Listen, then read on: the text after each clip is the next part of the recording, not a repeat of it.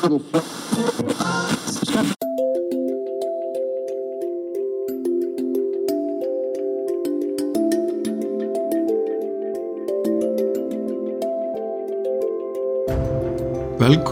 í sjönda þátt Móla, þetta er Magnús Haldursson sem talar sem fyrr.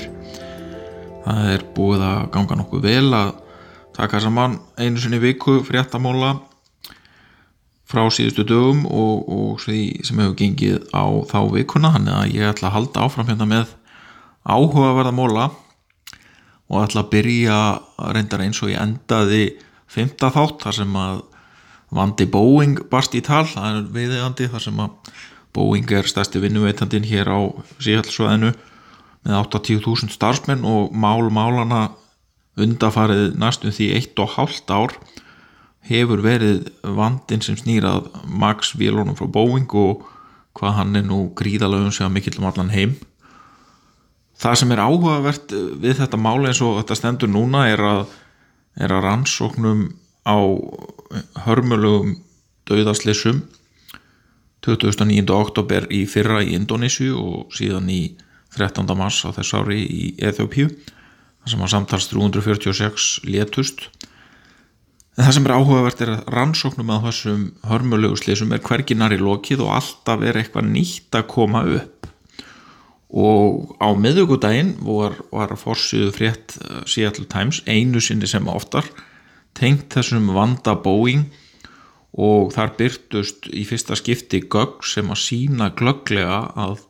Boeing var að þrýsta á um það við bandarisk flugmála yfirvöld að það erði gefin tilslökun á, á pröfu, pröfum á, á hugbúnaði og kerfum sem að snýru að svo kallu MCAS kerfi sem að á að spórna gegn ofris í vélana en, en allt bendi til þess að þetta kerfi hafi verið ófullkomið og leitt til þess að í þessum tveimur slissum hafi vélarnar tógast til jarðar vegna galla í hugbúnaði sem að kemur að þessum og stýrir þessum kerfi, þessu fyrirnefnda kerfi. En þetta var þessi frétt sínir að, að rannsóknar eru enn í gangi og, og það sem þarna kom fram var einnig að, að Boeing virðist vera búið að viðukenna uh, í rannsóknu við, við bandarísku alvegslöfluna FBI sem er líka að rannsaka þessi mál að fyrirtæki hafið falsa skýslur til bandarískar yfirvelda og, og gefið til kynna að ekki að staðan væri betri en hún raunverulega var. Og þetta virðist ætla að verða mjög stórt mál því að þetta gæti leitt til þess að vélarnar fari mun síðar í loftið en ráðgjert hefur verið en þær hafa verið kyrsettar frá því lókmass með mjög slæmum afleðingur fyrir flugfélög sem reyða, þessu, reyða sig á þessa tegund véla. Og þar er Æsland er undir eins og við vitum og,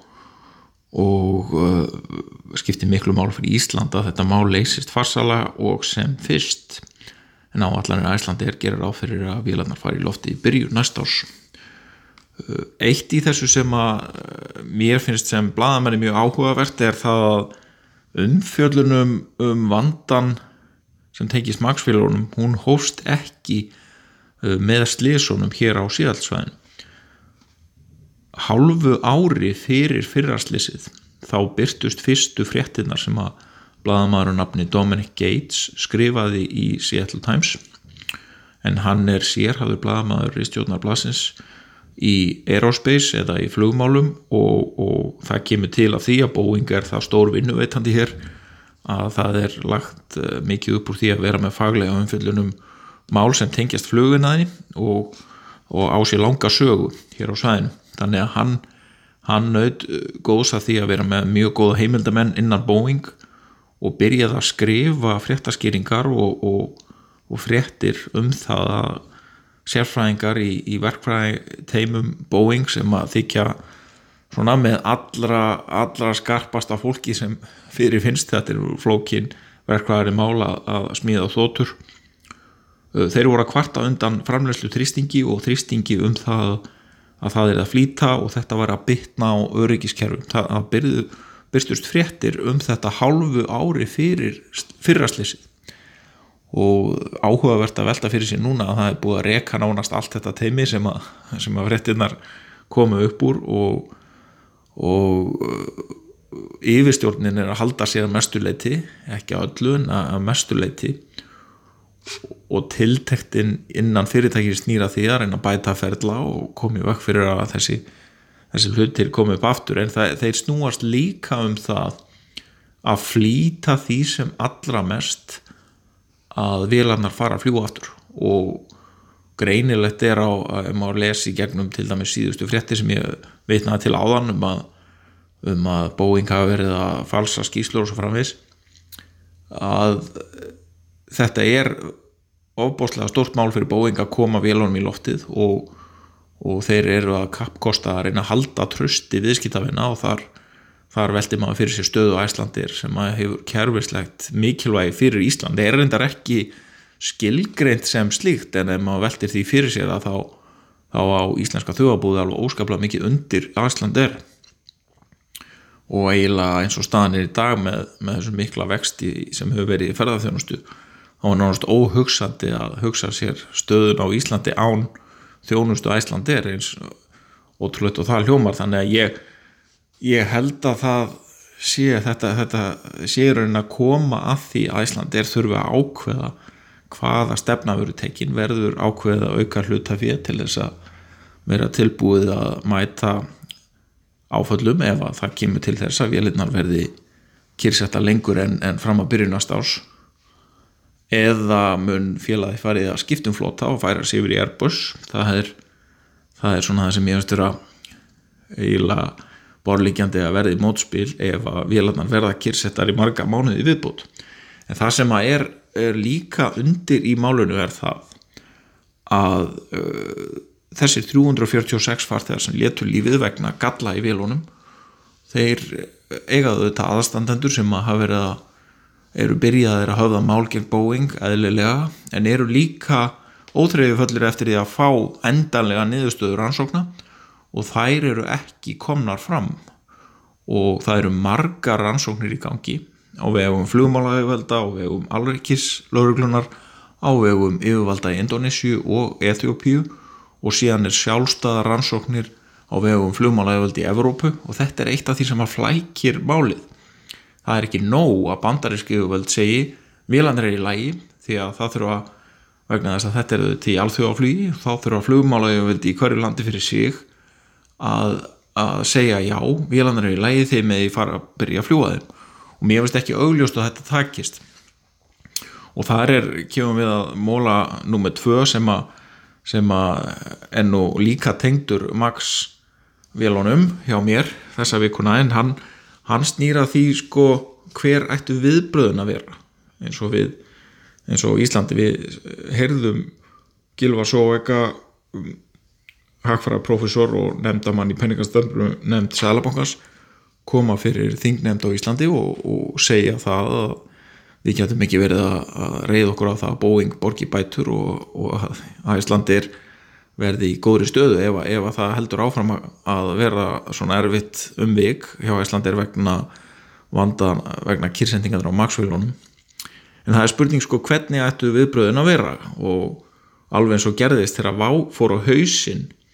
að þá fóru að vöknuðu spurningar sko, eiga stjórnvöld að skipta sér af? Hvernig eigu þau að skipta sér af? Eigu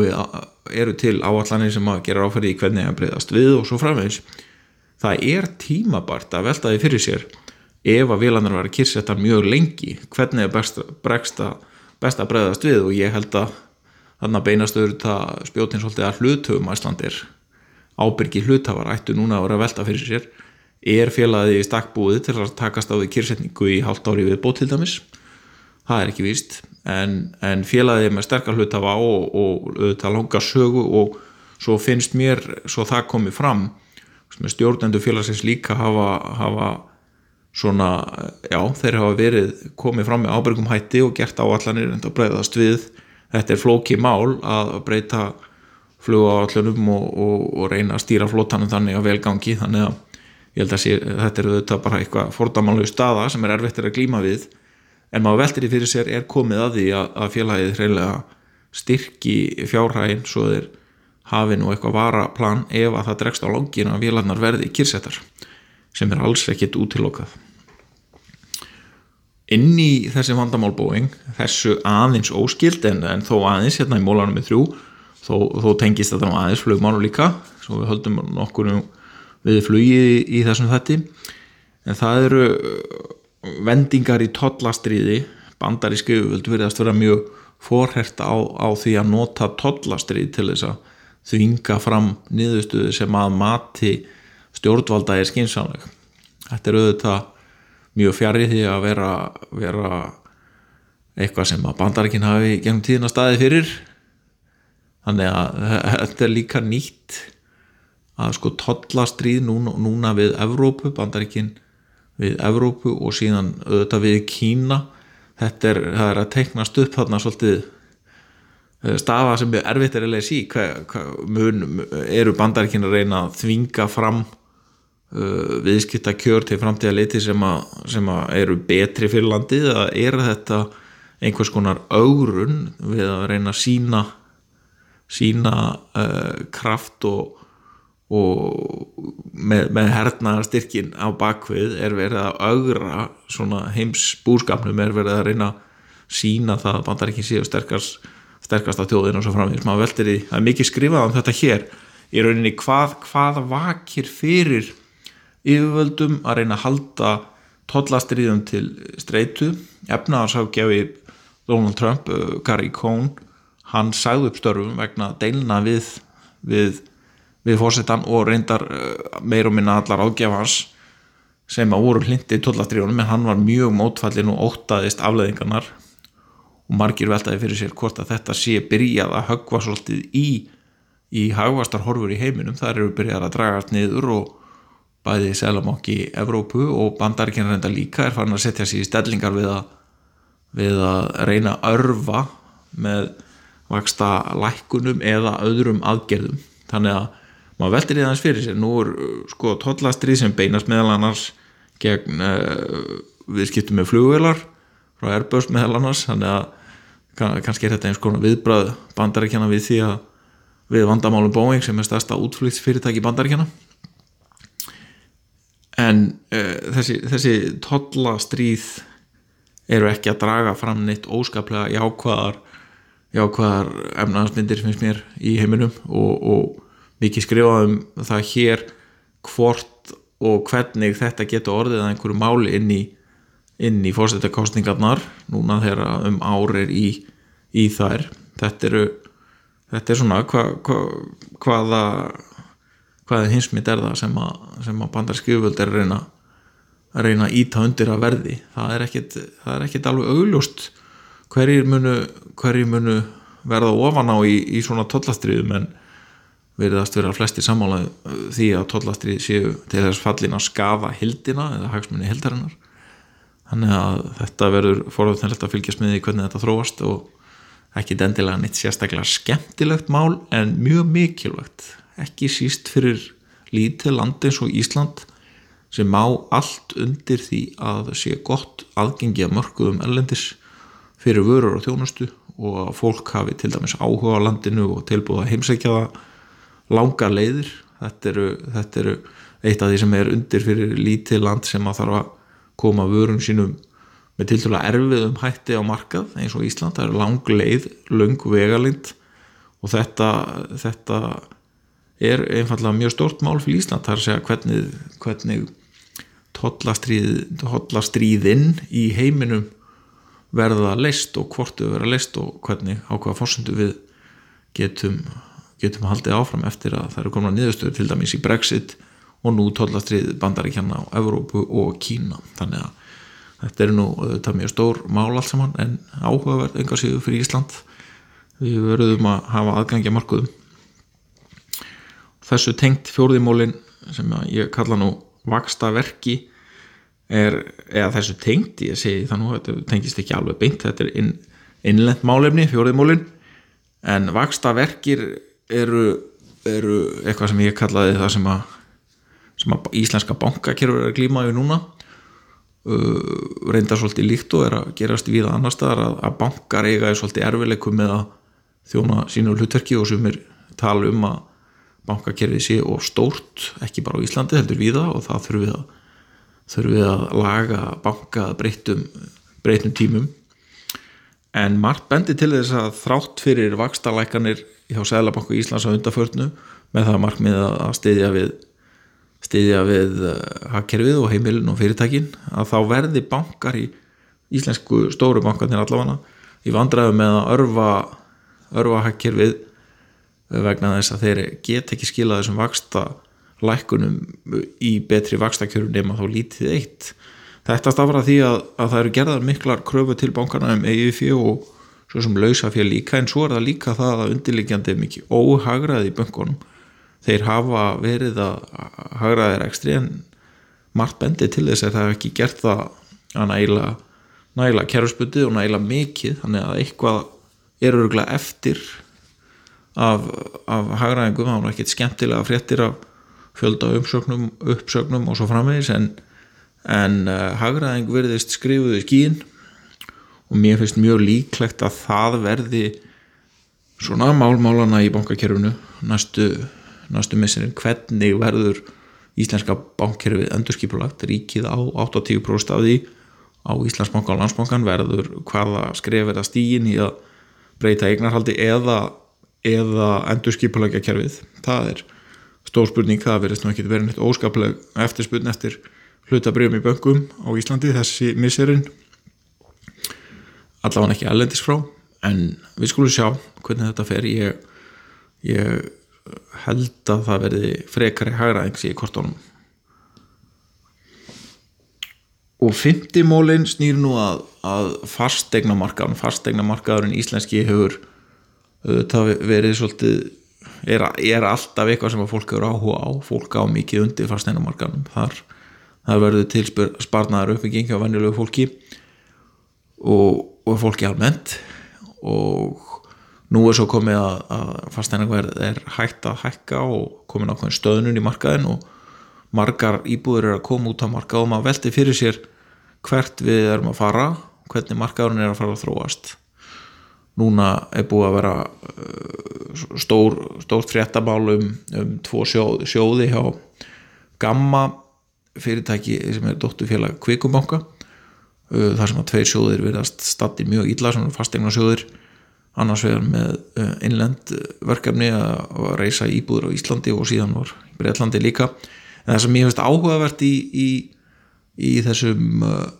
íslenska sjóði Gamma Novus heitir hann sem verðist vera ekki standa vel. Mér finnst það áhugavert að velta fyrir sér sko hver er grunnvandin, það verðist að verið spáð þarna um að fastæðingar myndi hækka, myndi ganga vel að selja íbúðunar svona 18 til 24 mánuði ef við gefum okkur það. Að þá gæti þá hefði staðan þá hefði verkefni gengið vel, það er að gengið vel að reysa íbúðunar og selja þér. Já, það er komin þessi stöðnun í markaðin og maður veldi fyrir sér hversu þólumótt fér á bakvið fasteinarverkefni annar staða líkt og þannig á gamma. Eru fleiri, fleiri verkefni á öðrum reytum, eru þau að fara að lenda í einhvers konar fjárhagsvandraðum, er fjármagnum á bakviðra tryggð, hvernig eru verktakarnir fjármagnaðir og svo framvegis? Ég veldi þessu svolítið fyrir mér í ljósið þessara stöðu. Það gæti alveg komið einhver högg högg á einstaka uh, fasteinum verkefni og þá er spurning hvernig verður leist úr því? Og verður það til þess að verðlaki eða munum bankarnir kappkosta að láta það ekki gerast? Þetta er ennflaga svolítið spurning sko, ef á að láta láta fasteigna uh, verðið fara svolítið að vera með dýnamískan markað og láta verðið fara upp og niður eftir því sem að, að markaðanir markaðsafstöðanar eru þá, þá, þá er svona spurning hvernig bankanir hafa sér því hvort þeir takk hefur verkefni og, eða verða hreila að setja þau í þrótt eða hvernig sem það er. Mér, mér finnst þetta að vera svolítið stórt mál það er að segja að það er alveg hugsanlegt að það verði fleiri verkefni sem eru uppbyggingaverkefni og fastegnum sem lendir í vandræðan vegna þess að það tekur lengur í tíma að selja íbúðir núna en gerði hérna fyrir einu, tveimur árum tala nú ekki um þremur þegar það voru, voru gríðalega eftirspurn og vantaði íbúðurinn á marka þannig að það er bara gjörbreytt staða. Og mögulega uh, verður þetta til þess að til þess að svona, menn fara þess að halda sér höndum, það kemur að fjármögnun og þá, þá gæti líka myndast spírall fyrir verði fyrir niður. Flesta spár eru þó þannig að verði muni standa í stað og hækka þá bara lítið eitt eða, eða ekki neitt á næstu einu, tveimur, þreimur árum. Þannig að það er svona já, það er komin upp alveg ný stað á markanum og ólíktir sem hefur verið undanfærin ár. Fórðum til að fylgjast með því og, og fólk almennt munur örglega velta því fyrir sér hvenar er tími til þess að kaupa og selja og svo framvegis. Það er, það er auðvitað alltaf bara spurning á, út frá hvaða fórsöndum er hugsað hvort þú ætlar að koma fyrir til lengri tími eða stittri þetta er bara klassísk klassísk, það er ekkert að sjá það fram í tíma hvað, hvort við séum að fara gangi í gegnum einhverja mikla láteður í, í efnarslífunu eða, eða mikið mögst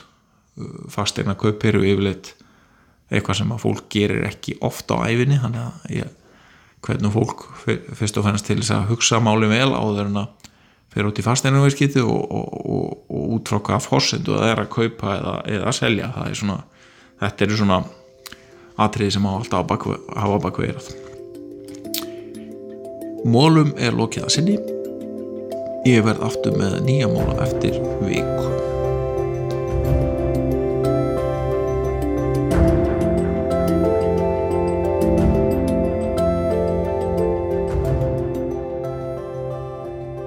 Takk fyrir að hlusta á hlaðavarp kjarnans. Þú getur sótt fleiri þætti um allt milli heimins og jarðar á vefnum kjarnin.is.